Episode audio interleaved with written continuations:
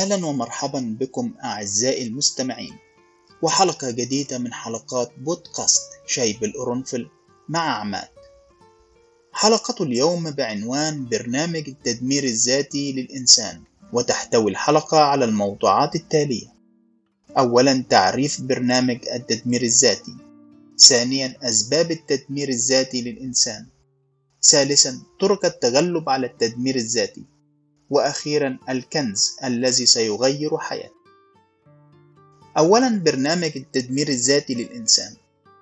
هو عبارة عن نمط سلوكي سلبي يتسبب في إحداث ضرر للشخص نفسه سواء على المستوى الجسدي أو العاطفي أو الروحي.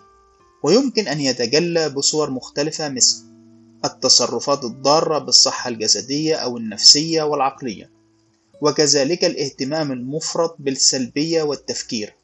والاعتقاد بأنه عديم الجدوى في الحياة وأيضا يتعلق بالقلق والخوف المستمر.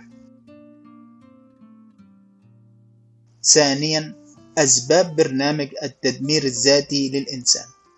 انخفاض تقدير الذات. قد يكون لديك صورة سلبية عن الذات وتقدير منخفض لنفسك مما يجعلك تميل إلى التفكير السلبي والتصرفات الضارة بنفسك. ثانيا الضغوط العاطفية والعقلية. يمكن أن تسبب الضغوط النفسية والعقلية والعاطفية والتحديات الحياتية الصعبة شعورا بالعجز واليأس مما يؤدي إلى سلوكيات التدمير الذاتي كوسيلة للتعامل مع تلك الضغوط. ثالثا الخبرات السلبية في الماضي. قد يكون لديك خبرات سلبية في الماضي مثل الإساءة أو الإهمال أو الإيذاء العاطفي. مما يؤثر على صورتك الذاتية ويزيد من احتمالية التصرفات التدميرية. رابعا الاضطرابات العقلية يوجد بعض الاضطرابات العقلية مثل القلق والاكتئاب وهما يزيدان من عرضة الفرد للتصرفات التدميرية. ثالثا طرق التغلب على التدمير الذاتي يتم ذلك من خلال تعزيز الوعي الذاتي حيث يجب أن تراجع وتستكشف المعتقدات الخاصة بك سواء كانت معتقدات سلبية أو أفكار مدمرة قد تراودك. حاول فهم جذور تلك الأفكار وأن تحددها ثم محاولة أن تتحداها وأن تغيرها بأفكار إيجابية وأنت قادر على ذلك وذلك بسبب بسيط. طالما أنك استطعت أن تحددها فأنت وضعت يدك على الداء وعليك إذن بالدواء. ثانيا العناية بالنفس. قم بالاهتمام بصحتك العقلية والجسدية والعاطفية وذلك من خلال منح نفسك الراحة والاسترخاء.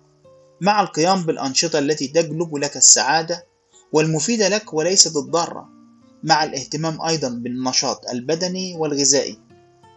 ثالثا التركيز على الإيجابية. حاول التركيز على الجوانب الإيجابية في حياتك وقدراتك. قم بتطوير قائمة بالمهارات والإنجازات التي تفخر بها. قم بتكرار التأكيدات الإيجابية لنفسك وتذكير نفسك بقوتك وقدرتك على التغلب على التحديات لأن أي شخص في الحياة له جوانب إيجابية ونجاحات كثيرة. فركز عليها ولا تركز على الجوانب السلبية فقط.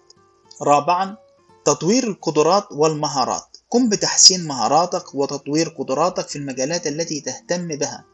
هذا سوف يساعدك على زيادة الثقة بالنفس وتحقيق النجاح وتحقيق الأهداف خامسا الدعم الاجتماعي ابحث عن دعم اجتماعي قوي من الأصدقاء والعائلة والمجتمع حيث يمكن للدعم الإيجابي والتشجيع من الآخرين أن يكون لديك تأثير كبير في زيادة الثقة بالنفس.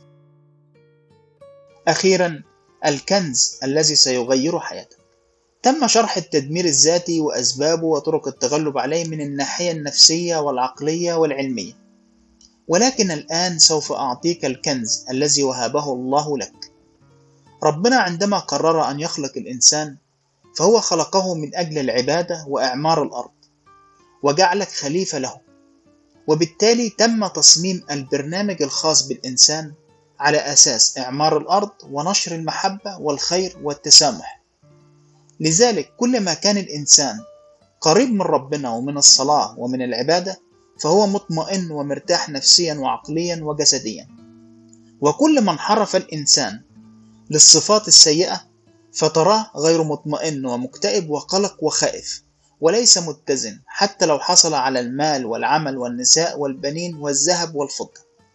فهو يشعر دائما إنه ليس مبسوط وإنه يوجد شيء ناقص له في حياته.